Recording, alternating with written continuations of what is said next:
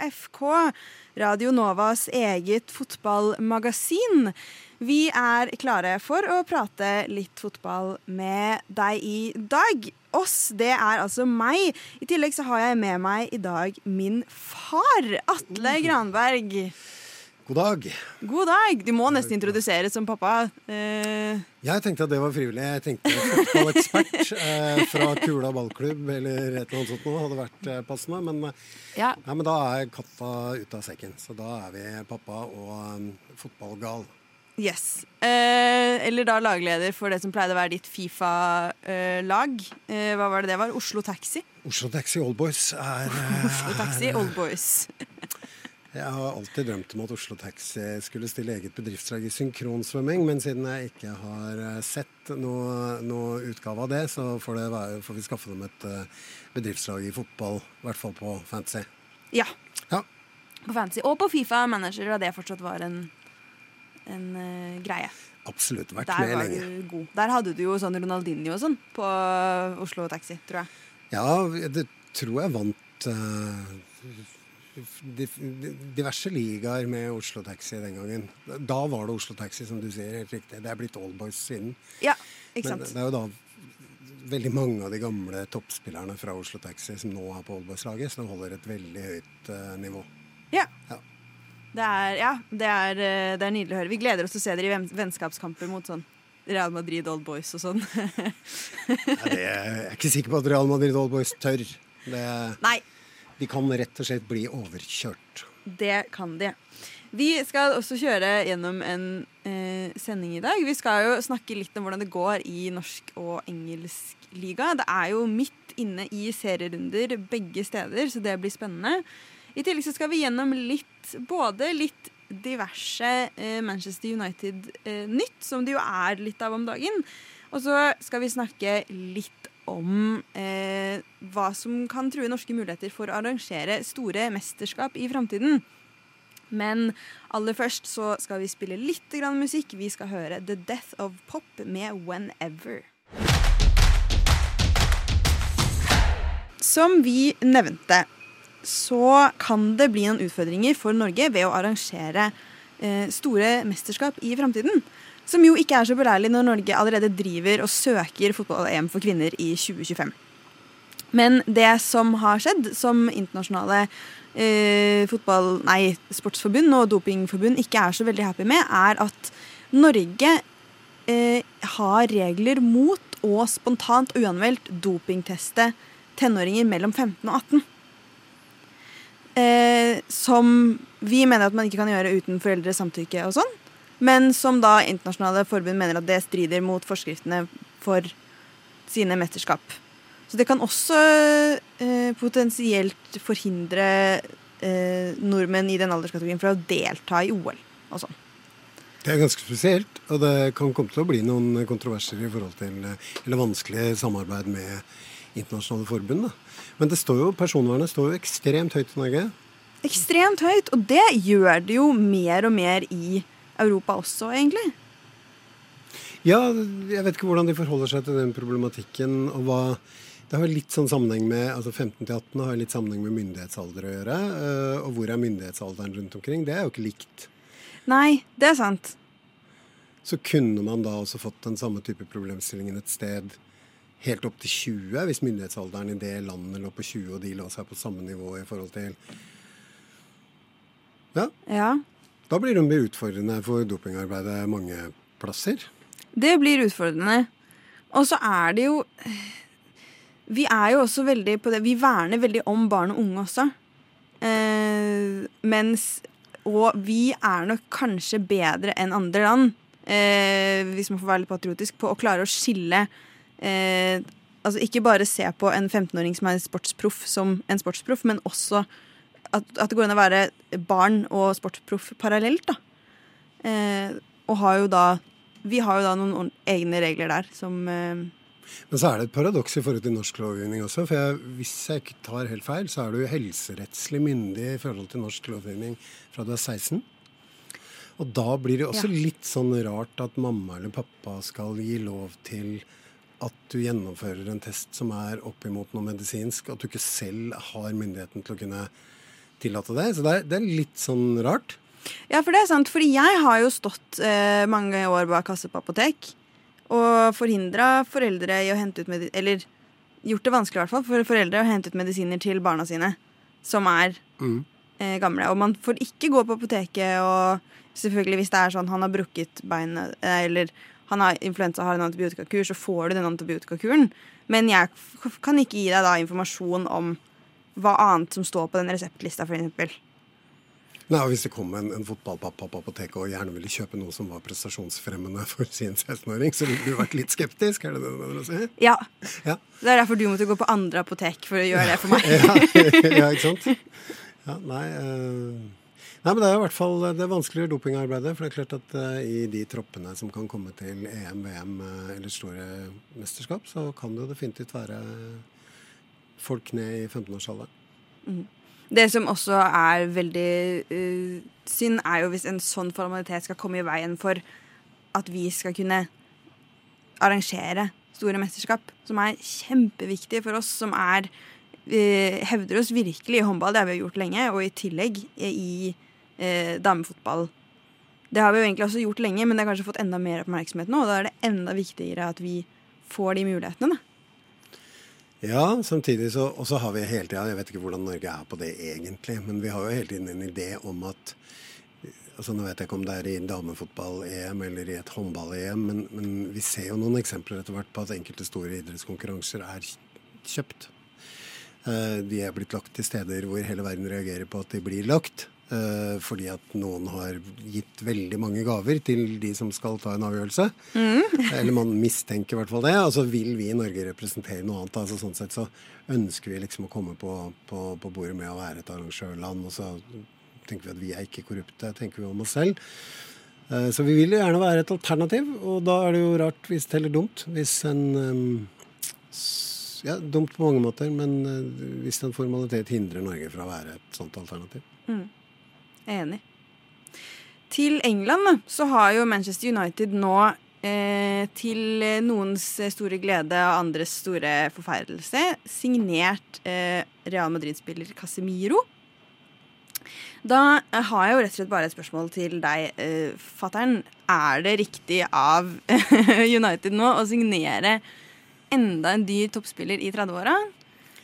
Eller skulle man bygget litt yngre? Ja, det er jo en risiko hele tida. Altså, Casemiro er en fantastisk god spiller. Og jeg er jo ikke Jeg skal være forsiktig når jeg snakker om United, for det er jo ikke, det er jo ikke der hjertet mitt ligger. Men jeg har jo lyst til at United skal finnes i fotballverdenen eh, på et høyt nivå. Eh, de hører hjemme der. Eh, og så får de en knallspiller i Casemiro. De får en midtbanedrivkraft som de virkelig trenger. Sårt trengt i det United-laget. sårt trengt i det United-laget. Og, og, um, og hvis han gidder å være 100% Casemiro, så løfter han det laget. Ja. Eh, hvis han ikke bare er 30 år og er på vei inn i solnedgangen, liksom. Jeg har sett noen sånne også, som er på vei inn i solnedgangen og som går på navn, liksom. Ronaldo, for eksempel. Kunne kanskje vært nevnt. Ja.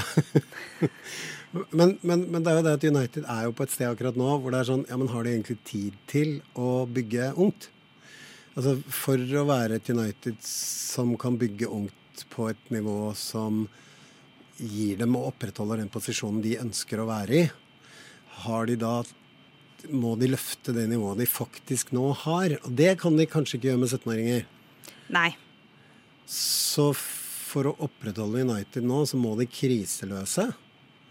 Og så, forhåpentligvis, da, så vil de tenke ungt. Så det er ikke sikkert det er helt dumt hvis de kan få den til å virke, tror jeg, da. Men jeg skjønner at det kan være provoserende. At det liksom enda en etter Kavani, Ronaldo liksom, Christian Eriksen er vel ikke akkurat en ungdom, han heller? Nei, Nei. han er jo ikke det. Nei, så eh, eh, Jamie Carriger var jo ute og uh, sa at den overgangen smacks of desperation. Uh, altså tidligere Liverpool-legende Jamie Carriger. Og, men det gjør jo på en måte det, men samtidig så er det jo et desperat lag, da. Ja. Det, det er jo et lag som burde være litt desperate i den situasjonen de er i. Ja. Ja, i hvert fall. For det, det, er klart de har vært på nedadgående lenge. Og, og, og hvis de skal liksom opp Hvor lenge kan du selge en gammel logo, på en måte, hvis du ikke klarer å opprettholde deg på, på et visst nivå? Ja. Så det er desperat. Men Jamie Carriger er jo også en posisjon hvor han er veldig glad i å Han er veldig glad i å kunne si at det United gjør, er galt. Ja. Ja. Det Ja, det er klart. Eh, jeg har jo, men det er jo kjipt Det at det har blitt liksom uh, Manchester United-fans har det åpenbart vondt nå. Uh, til det punktet hvor de liker ikke lenger å De sier Hvis du spør noen hvilket lag heier du på, så heier de på United, så blir de litt sånn Ja, nei eh. De vil liksom, Det tar litt tid før du får det ut av dem en gang. Liksom. Det sier det meste. At jeg har kommet dit at jeg faktisk har litt vondt av dem. jeg vet ikke om det egentlig er salt i såret. Nei, men ja, nei, altså som da Når du har vært mangeårig Liverpool-supporter i Norge, så sitter det United-hatet ganske dypt, egentlig. Ja. Eh, I tillegg så er det også det at vi ikke nå sitter og liksom roaster dem som en sånn kjøpe, kjøpeklubb. Eh, sånn City Chelsea-nivå kjøpeklubb. De er jo ikke helt der, men de prøver jo å kjøpe seg ut av ting. Men de er jo i en posisjon hvor man til og med nesten har legitimert det å bli litt sånn kjøpeklubb. Ja. Nei, vi, vi, får håpe Altså, vi vet at dette her går opp og ned. Vi får håpe at United klarer å snu skuta mens de fortsatt har ei skutt å snu. At den ikke er Helge Ingstad og, og, og, og ligger på, på bånn et eller annet sted. Så vi får håpe de klarer å liksom snu skuta, mens det fortsatt er noe snø, og at de da kan begynne å bygge på ungdommer som de har, da, som, eller ungdom, altså McTominay og Elanga, og, og, folk som er spennende i den uh, troppen. De kunne jo f.eks. valgt inn i denne sesongen her og, bygge på en uh, Dean Henderson isteden i mål. Det valgte de ikke. Det kan det jo hende noen angrer litt på etter hvert. Ja. Så Nei, men de har muligheten. De har muligheten. De ligger for så vidt på bånn nå, men ikke i eh, helt Helge Ingstad-forfatning eh, ennå. Vi får se om det blir en Titanic av dem til slutt. Eh, vårt eh, lag, da, Liverpool, de spiller jo mot Manchester United på eh, mandag, i morgen. Og der er det jo frykt for at det nok en gang skal bli ganske store protester på Old Trafford. Så mye at eh, man har begynt å snakke om hva man skal gjøre hvis kampen faktisk blir avlyst. Sist eh, Manchester United møtte Liverpool på hjemmebane, så ble det jo store protester i Det var jo da i fjor. Første gang en eh, Premier League-kamp har blitt avblåst og utsatt pga. protester. Og nå frykter man at det samme skal skje igjen. Eh, ja, kan du si noe om sånn cirka hvorfor de protesterer? Ja, altså, De protesterer jo litt over den historikken. Som, som jeg har forstått det, da, så protesterer de over uh, eiernes langsiktige strategi, uh, og at de opplever at det er en uh, Altså Glacier-familien ikke egentlig, som sitter på eiersida, ikke egentlig er interessert i å utvikle United på det nivået de mener at United skal være. At de har kjøpt seg en hobby, på en måte, som, eller kjøpt seg en status. Og, og, har vist det gjennom mange år i forhold til utbytte, altså ta utbytte på Istedenfor å spytte penger inn i klubb og inn i satsing og, og, og, sånne ting.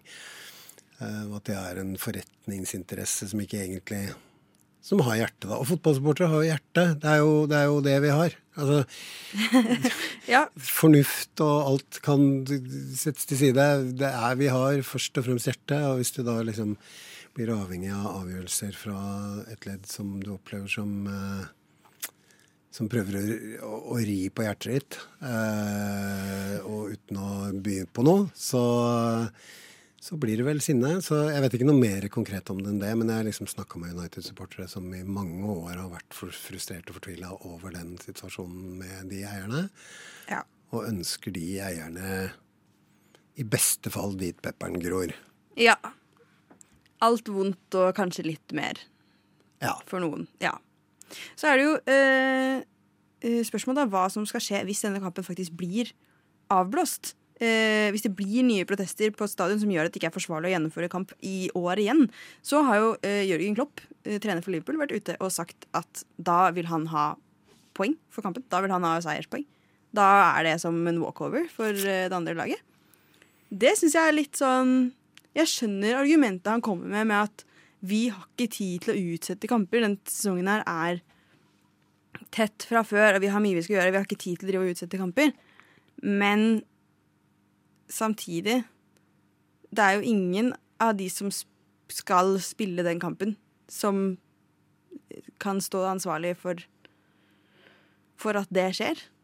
Skal man sette fansen ansvarlig for, for hvordan det går med laget, liksom?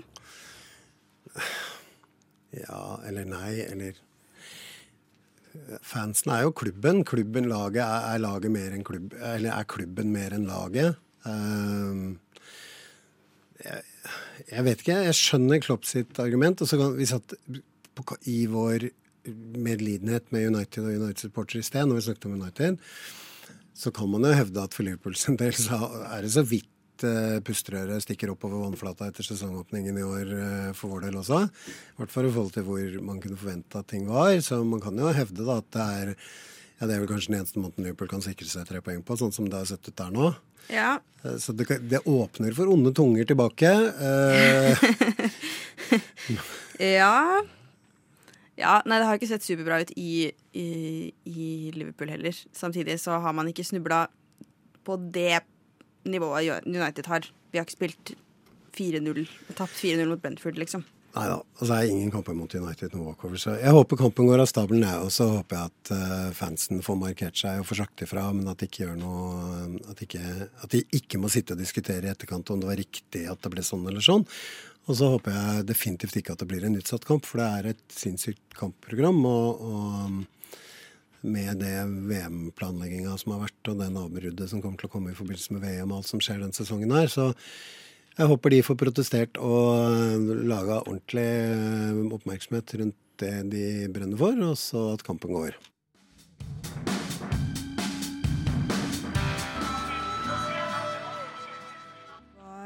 Det var Lut med mersmak. Litt god norsk musikk her på Radio Nova, altså.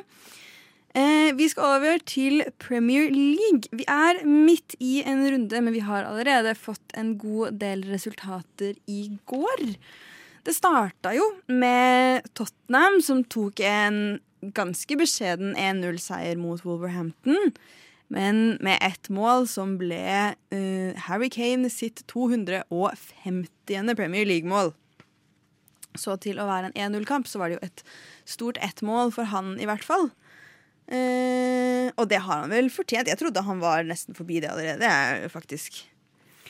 Ja, jeg har ikke holdt uh, tall på, eller holdt koll på, på, på, hvor han har vært i forhold til, eller i forhold til rekorder, men det er jo helt fantastisk. Og Harry Kane er jo etter hvert en spiller med en fantastisk historie. Og han er jo blitt en spiller som de siste åra har lagt noe mer til sitt spill. På tross av at han uh, nå er 29, og sånn sett snart klar for United. Uh, er han ikke mer enn 29? Nei, han er 29, tror jeg. Hæ? Ja. Så han er, ikke, han er ikke gammel nok for United ennå, men, men uh, kunne ha vært. Han holder seg jo da ikke spesielt godt. jeg trodde han var uh, kanskje sånn 33. Okay. Uh, men ikke si det til han. Nei, ikke gjør det, da. Men han holder seg veldig godt på fotballbanen, og en, en så selv om han da ikke spiller for det som er mitt favorittlag, så er det en spiller jeg har Altså spiller han jo for England innimellom, og da banker jo vært litt for Harry Kane da. Ja. Men, eh, men uh, han er en spiller som har imponert synes jeg, de siste åra med det han har utvikla spillet sitt, og blitt en banespiller i tillegg til den helt rå avslutteren som han er. Så gøy at Harry Kane tar rekorder gøy. Det var jo litt eh, spørsmålstegn og drama rundt hvordan det kom til å gå videre med Kane i Tottenham. Så det er jo bra at han på en måte har klart å senke skuldrene og beholde plassen og posisjonen sin i det laget. Og um, holdt fast på å være Tottenham sin Kane, da. På banen og mot fans og alt. Ja, du kunne vel tenke at begynnelsen av fjorårssesongen for Harry Kane var litt sånn prega av det som hadde gått forut for sesongen om at han ville til City, og, og at de var ute etter han, og at han ville flytte på seg og alt det der. Mm. Um, og, og, det er såpass marginalt i all toppidrett at uh, hvor du har huet hen, har noe å si. Uh, så man kunne kanskje tenke at det påvirka litt grann, uh, begynnelsen av sesongen. Også, og da syns jeg det er litt kult, da, når du på en måte så kan du si at ja, hvor bortskjemte er spillere? Skal de ikke spille for laget sitt? Eh, skal de ikke ønske seg presseklubben til å selge? Eh, og alt det der. Og det kunne han sikkert bli eh, kritisert for. Men når du da liksom snur deg likevel, så sånn OK, det er her jeg er. Nå er jeg i Tottenham, nå er jeg i det prosjektet her. Og, jeg er, og så liksom henter opp igjen det som ikke bare hviler ut på å være den gamle storheten Harry Kane, på en måte, men mm. fortsetter å jobbe. Det det er sånn OK. Sinnssykt eh, respekt for det, altså. Mm. Jeg så den, eh, den uh, trekkfilmen hele tiden, men det var veldig bra. All or Nothing-serien til Amazon, som har en Tottenham-sesong. Der er det ja, Man får veldig sansen for, for, mange av de spillerne, blant annet Kane. Han virker jo som en godgutt på gode 33 år. Selv da. Selv om han da kanskje var 27 eller noe sånt? Ja. ja. Mm. ja. Eh, det tenker jeg er også litt sånn bra for en eh, kaptein. Samtidig så har vi jo eh, en annen kamp med en nå både norsk og veldig ung kaptein. Nemlig Martin Ødegaard. Det er gøy. Det er kjempegøy. Tenk, Han er like gammel som meg, pappa. Tenk hvor jeg kunne vært. ja, Hvis du hadde spilt på herrelaget til Arsenal, så hadde jeg vært veldig overraska. Men uh, ja, ikke sant. Han er født i Han er, han er 98, ja. Han er 98, ja. Både uh, Ødegaard og Sander Berge og Kristoffer Ayer er like gamle som meg. Ja. Det er bare at uh, Haaland er to år yngre enn meg. Ja, velkommen i klubben. Det kommer du til å oppleve. Jeg, jeg husker ikke når jeg slutta å tenke over det, men, eh, men, eh, du kommer til å oppleve det der i mange sammenhenger. At eh, jøss, yes, kommer han guttungen der, liksom? Ja. Mm. Det er sånn hvis du husker lillebroren, han lillebroren til hun mm. på håndballaget ditt da du var liten, som, som, alltid hadde med seg fotball og sto på sidelinja og gikk rundt med fotball ut og inn av busser. Og, ikke sant? Altså, han spiller eliteseriefotball for HamKam i dag og gjør det knallbra. Så det verste er at Nå snakker vi ikke om en ekte person, tror jeg. Nå snakker vi om en ekte person. Nå snakker vi om en ekte person, ja. Mm. Yes. Og det var, lille, det var han bitte lillebroren til hun på laget ditt. Mm. han, han, er, så det, det, er bare velkommen i klubben. Det kommer du til å oppleve i åra som kommer uh, hele tiden. Men tilbake til Martin Ødegaard. Ja. Det er uh, han er en sånn fotballtype som jeg har så sansen for. ja. Ja, altså Jeg er jo så glad i midtbanespillere som skjønner hva som skjer rundt dem. Mm. Oh. Altså, Luka Modric eh, Jo, han spiller for Real Madrid han er en fantastisk fotballspiller. Kanté i Chelsea. Eh, det, det, er jo karer som jeg setter Selv om de spiller for feil lag, så er det den posisjonen og det å skjønne hva som skjer rundt dem. Og Martin Ødegaard han skjønner hva som skjer rundt den, altså. Mm. Og det er så uh, Haaland er norsk, og Haaland er spiss, og Haaland er ekstrem og dritkult. Men den derre fotballintelligensen, forståelsen til Martin Ødegaard, posisjonen som kaptein for et fremadstormende Arsenal, forholdsvis ungt fremadstormende Arsenal, mm. og måten han uh, tilnærmer seg det på, det, så, det står så respekt av. Jeg blir litt rørt, faktisk. ja, ja, og en utrolig fin, ydmyk, eh, flink fotballspiller, liksom. Det, men i går Vi så jo på eh, vi, Jeg tror ingen av oss så Arsenal-kampen. Men vi Nei. så høydepunktene eh, her i stad. Han tar jo faktisk en liten frekk en i et av de målene han skåret i går. Det første er en retur. Ganske clean. Ganske heldig med å stå der han står, men greit mål. Men den andre så er det jo egentlig to som skyter samme ball. Ja, den er nesten litt sånn ikke Martin Ødegårdsk. Fordi at han virker så høflig. Han virker ikke som fyren som sniker i en kø, liksom. Ja. eh, men det er jo det han gjør i den situasjonen der, for eh, Jesus lader kanonen, og, og, det ser ut som det skal komme et, eh, et skudd i Jesus sin retning, og så eh, kommer Martin Ødegaard bare snikende inn og tar siste plass på bussen, liksom. Ja. Eh, og Men det kan hende det er det som Hele Forsvaret er forberedt på, på Jesus, sin Jesus, sin bevegelse. Så det kan hende det er det som skaper skåringa. Så litt sånn umartin Ødegårdsk, men så lenge det blir mål. Det er ingen som klager. Nei. Veldig gøy også å se at de, liksom, de, løper og feirer i hver sin retning etterpå. Så de tar liksom Da feirer jeg på høyresiden, og så tar du venstresiden. De har liksom scora begge to. ja, altså Lagkameratene skjønner det, for de følger rett til Martin Ødegaard. Så jeg syns du løper litt sånn alene og feirer ut på høyre side av mannen. Se bak seg liksom Ja, faen, ja. ok. Uh, men, men, ja. Og alle som har Jesus på Fantasy, tenker ja, faen. Som jo er sånn 60 av spillet eller noe sånt. Det som også er gøy, eh, jeg holdt på å le meg i hjel av det første målet til Martin eh, Ødegaard i går. Fordi eh, Jesus er jo også Går på et raid der og kommer seg gjennom veldig mye av Forsvaret. og så går ballen litt innover, og så blir det en retur som Martin Ødegaard til slutt scorer på. Men det Jesus-raidet er altså noe så armer og bein og kav og Det er liksom tegneserieløping, nesten. Ja, han mangler egentlig bare en sånn balansestang. Eh, hvor han prøver å kompensere for den balanseskatten med alt han har av kroppsdeler. Ja. Det er sånn det er om å gjøre å få nesa i rett posisjon for ikke å dette den veien, på en måte. Ja. Eh, men, men det er, det er små, små, små, liten plass, da. Men det er som du sier, det er litt vindmølle på, på vei frem. Det minner meg veldig om hvordan jeg sjøl Jeg vet ikke om jeg ser sånn ut, men jeg tror det er mange som kan kjenne seg igjen at man føler seg litt sånn når man spiller fotball. Og kommer i en sånn situasjon hvor det er mange folk rundt deg og prøver febrilsk å ha kontroll, men har jo mye flaks også. De fleste av oss. Ja, ja. Og det er masse raid i fotball som handler om alt fra flaks til innsats til uh, teknikk til uh, men det er litt sånn det, det, handler jo ikke egentlig om å se kul ut. Det handler om å få det til å virke. Får, med armer og bein, mm. som du sier, så får han det raidet til å virke. Da er det, da er det greit, da. Ja.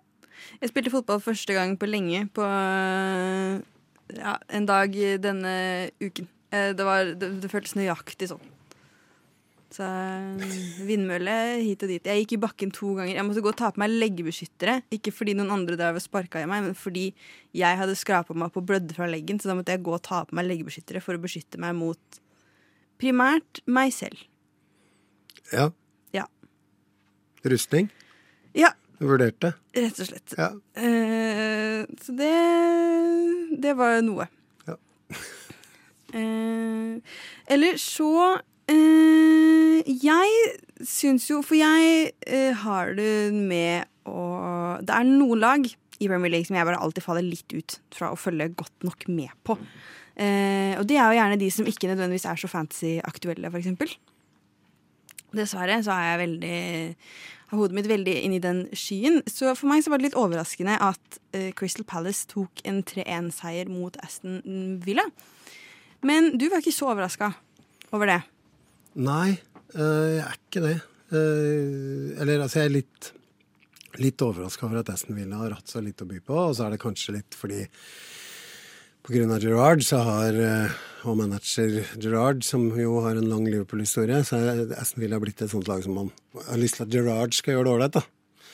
Uh, litt overraska over at Villa ikke har hatt uh, mer å, å, by på, eller klart å bygge videre på fjorårssesongen så langt i år. Det er kort inn i sesongen, så jeg håper jo det gjør det. Men at, det er, at uh, Patrick Vieira har noe på gang i Crystal Palace, det er jeg ikke så overraska over. De har bygd et lag der som for de har fått inn en del sånn ganske spennende unggutter, sånn som Ese. Ja. Uh, som, som uh, kommer godt inn. Og så har de jo Saha, da, som er uh, fortsatt bæreren i, i, laget. Men at Crystal Palace kommer til å gjøre sånn Jeg tror de havner over midten i år. Ja. Så jeg er ikke så overraska over at Crystal Palace gjør en god kamp. Litt skuffa over resten Villa. Ja. jeg syns jo de skal bytte keeper. Jeg syns de skal få inn uh, Sam uh, Johnstone i mål. Tidligere West Brom-keeper, som nå er andre keeper i Crystal Palace. Uh, som jeg hadde på Fantasy for et par år siden og ble Veldig glad i. Jeg syns han er en skikkelig skikkelig, skikkelig god gutt. Eh, lyst til å gi han en klem hver gang han har spilt kamp.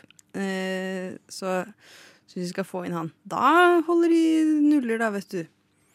Ja, Johnson er, og så er det jo en uh, britisk keeper. Uh, sånn sett så, så, hadde det vært kult hvis han uh, fikk muligheten. Ja, 100 ja.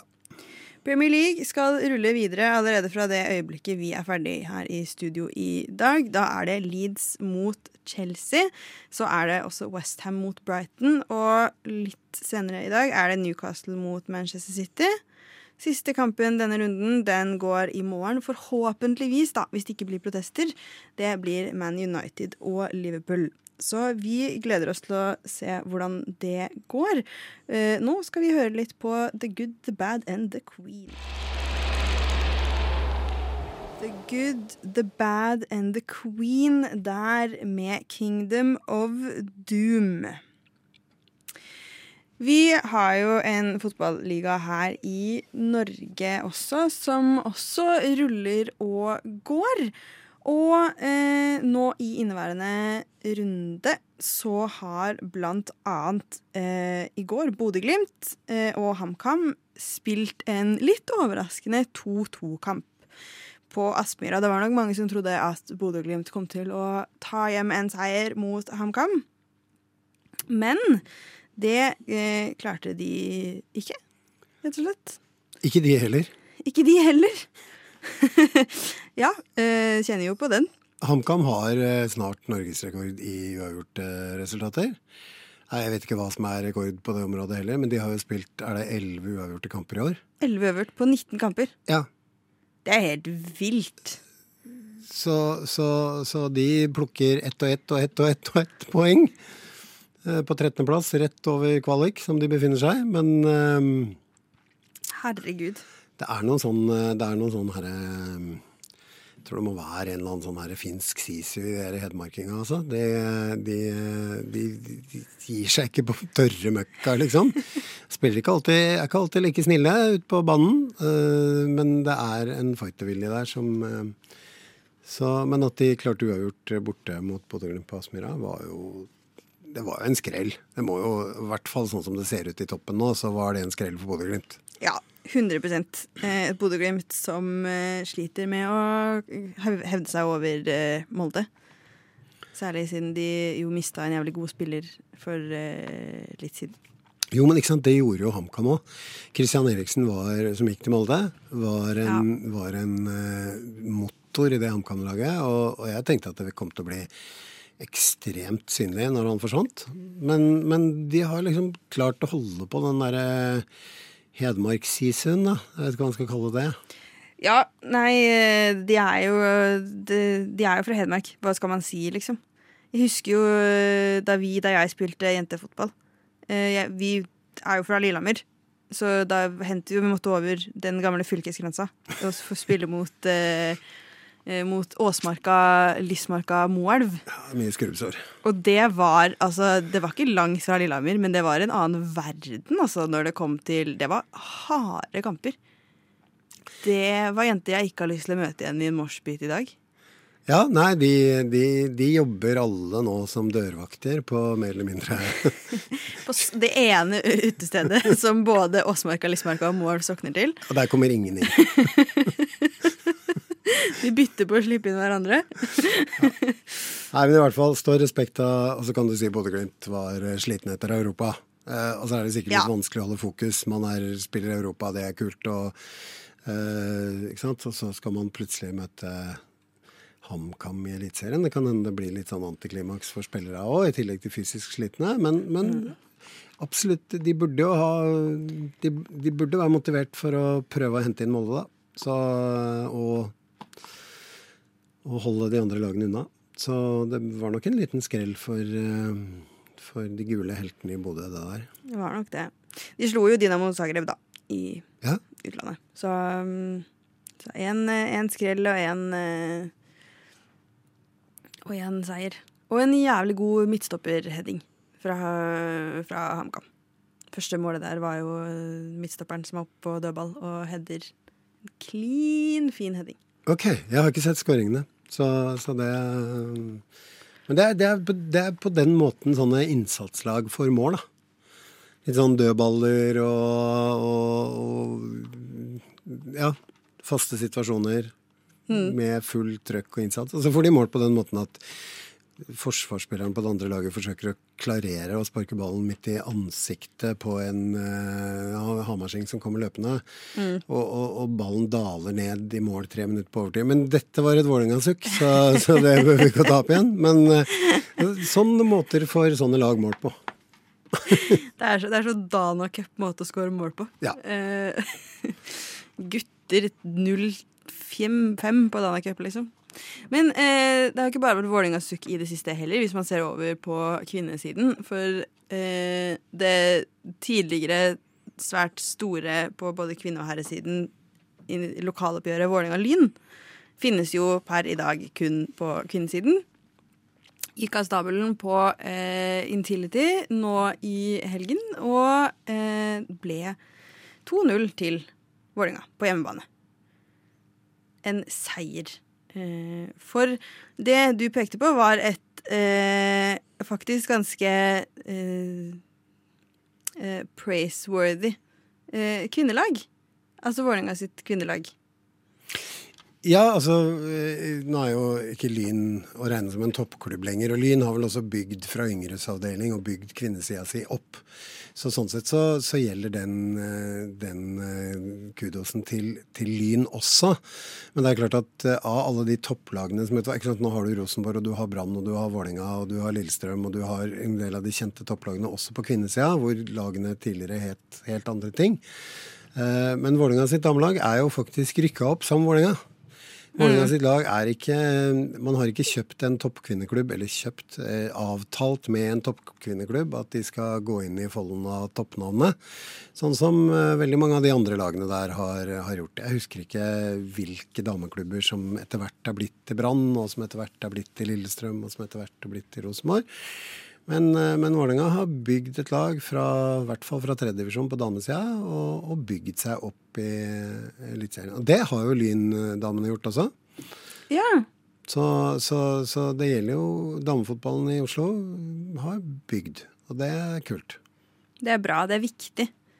Det er veldig viktig for eh, en by som er så liksom fotballinteressert, eh, og hvor Eh, I hvert fall sånn som i dag, hvor tilgangen på fritidsaktivitet, eh, fotball, faktisk er litt eh, eh begrensa for barn og unge i Oslo. Ja. Fordi det er, få, det, er, det er, ikke nok fotballbaner i Oslo. På langt nær. Ah. Det er skikkelig mangel på fotballbaner. Sånn som studentlagene sliter skikkelig, liksom. Med å kunne mobilisere lag. Og barnefotballen også, har jeg skjønt, har det ikke bare enkelt i Oslo. Fordi det er så mange som vil spille fotball.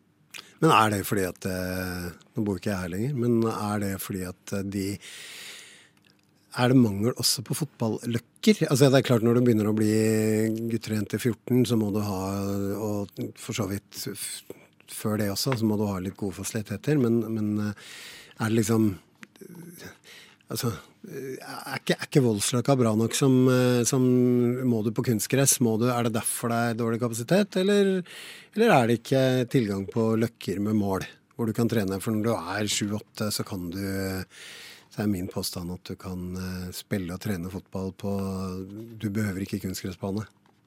Det er jeg faktisk litt, eh, litt usikker på. Men jeg vil jo kanskje tro at det i hvert fall ikke har blitt flere av de heller. Eh, det blir jo bare mer og mer tettbebygd, denne byen, med da flere innbyggere på mindre plass per innbygger, og da blir det jo også flere fotballspillere per, fotball, per kvadratmeter fotballbane. Mm. Eh, og fotballøkke også, sikkert. Det er jo ikke det man prioriterer hvis man kan bygge en blokk i Oslo i dag.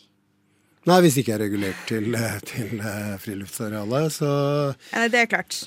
Så er det noe penger i å gjøre en blokk av men, eh, men helt klart. Men men jeg tror det er litt sånn over, i hvert fall har jeg opplevd det andre steder, da, på mindre plasser, at det er litt overdreven forventning til hva slags fasiliteter barn må ha for å spille fotball. Fordi vi tror at vi får bedre fotballspillere til mer tekniske fotballspillere hvis de, hvis de allerede fra seksårsalderen får spille på stuegulv. Uh, Og det kan sikkert være noe i det, altså. Men, eh, men, det er mye annet du kan utvikle som fotballspiller på et litt tumpet underlag. Så mm, litt sånn overdrevne forventninger noen steder til hvor gode fotballbaner man må ha. Men nå kan jeg trekke fram at jeg er gammel igjen ikke sant? og begynne å snakke om da vi spilte på Og det kan høres ut som en dinosaur, men, eh, men vi gjorde jo det. I kjelleren på den gamle spikerfabrikken, da hadde de satt opp et mål laget kun av spiker. Hvor vi fikk spille, men alle ballene våre punkterte hele tiden. ja, og hvis du tok litt stor fart og løp forbi keeperen og inn i målet, så var det rett og slett fatalt. da punkterte du også. ja. Det var farlig å spille fotball den gangen. Nei.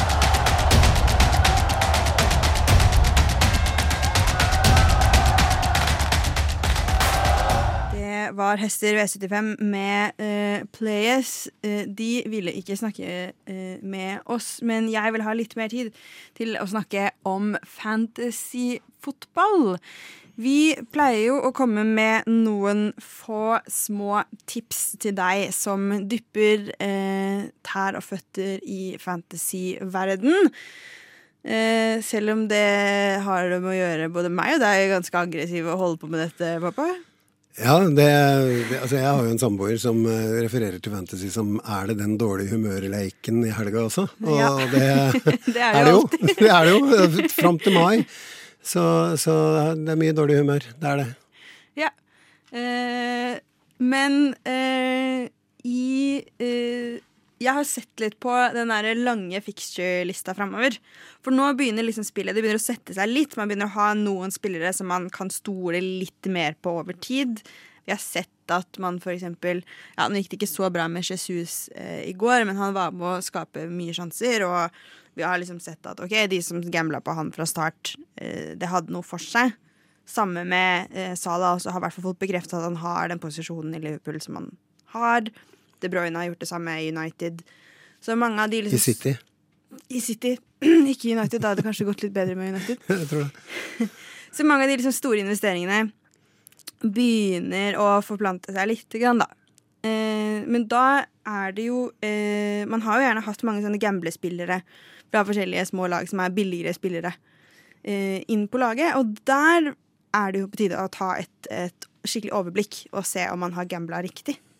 Ja, helt klart. Det er eh, det, er det, det, ofte handler om, å klare å finne. For at som du sier, du vil alltid møte motstandere som har de spillerne der. Eh, og Én ting handler om hva du sjøl får, men det handler om hva verden rundt deg får. Du vil ha mer enn dem. Mm. Eh, og da gjelder det å finne de herre ja, de, de, ikke så kostbare, ikke så forutsigbare spillerne som gir utdeling. Mm. Det er det noen lag eh, som vi har sett på fikserne til, som det kan være lurt å prøve å hente de spillerne fra. Første er Arsenal. Arsenal gjør det dritbra. Arsenal gjør det kjempebra. Eh, og har også en fem, i fem uker framover veldig gode fixtures, hvor de møter Fulham, Aston Villa, United, Everton og Brentford. Der er det mye spillere det går an å gamble på. Det er en grunn til at Martinelli er den mest henta inn spilleren nå, tror jeg. Kanskje under Perisic. Ja, jeg har hatt Martin Eli fra start. Endelig traff på én, uh, for en gangs skyld. Uh, men ja, jeg tror, og særlig på den offensive sida til Arsenal. Jeg, uh, Gabriel har gjort det bra på fantasy. Zinchenko har også bra telling, men, men, men jeg, ikke, jeg, stoler ikke så mye på det defensive til Arsenal. Jeg tror de kan komme til å gå på noen baklengs, men de produserer fryktelig framover, og der tror jeg det er en del å hente på det offensive mm. hos Arsenal. Ødegaard, ikke minst. Samme hos eh, Brentford, som også har en skikkelig eh, Everton, Crystal Palace, Leeds, Southampton, Arsenal, Bournemouth og Newcastle framover. Der er det også mye billigere spillere som gjør det bra. Ja, og Brentford har klart å, i hvert fall så langt i år, vise at de, de, bygger på det nivået de hadde ved ut av sesongen i fjor, selv om de mista Christian, nei, uh, ja, Christian Eriksen. Uh, så, så det ser ikke så ille ut uh, på Brentford-fronten for spillere derfra. Så Even Tony og Mathias Jensen er jo eksempler uh, derfra. Det er rett og slett det vi Det er rett og slett det vi rekker. Ja. Men det har vært eh, fryktelig, fryktelig hyggelig å ha med selveste fattern i studio i dag. Eh, har du lyst på enda mer fancy tips, så er det jo ikke noe i veien for å kanskje sjekke en vanlig scout også, da. Hvis man vil gå litt dypere i det. Vi er ikke eksperter, vi. Nei, og kanskje finne sjøl, for jeg sjekker Scout eh, innimellom og får veldig mye dårlige tips der. Så eh, undersøke litt sjøl er kanskje ofte like greit. Ja. Så stol ikke på oss, men ha en fin søndag. Her kommer Hudkreft med ACAB.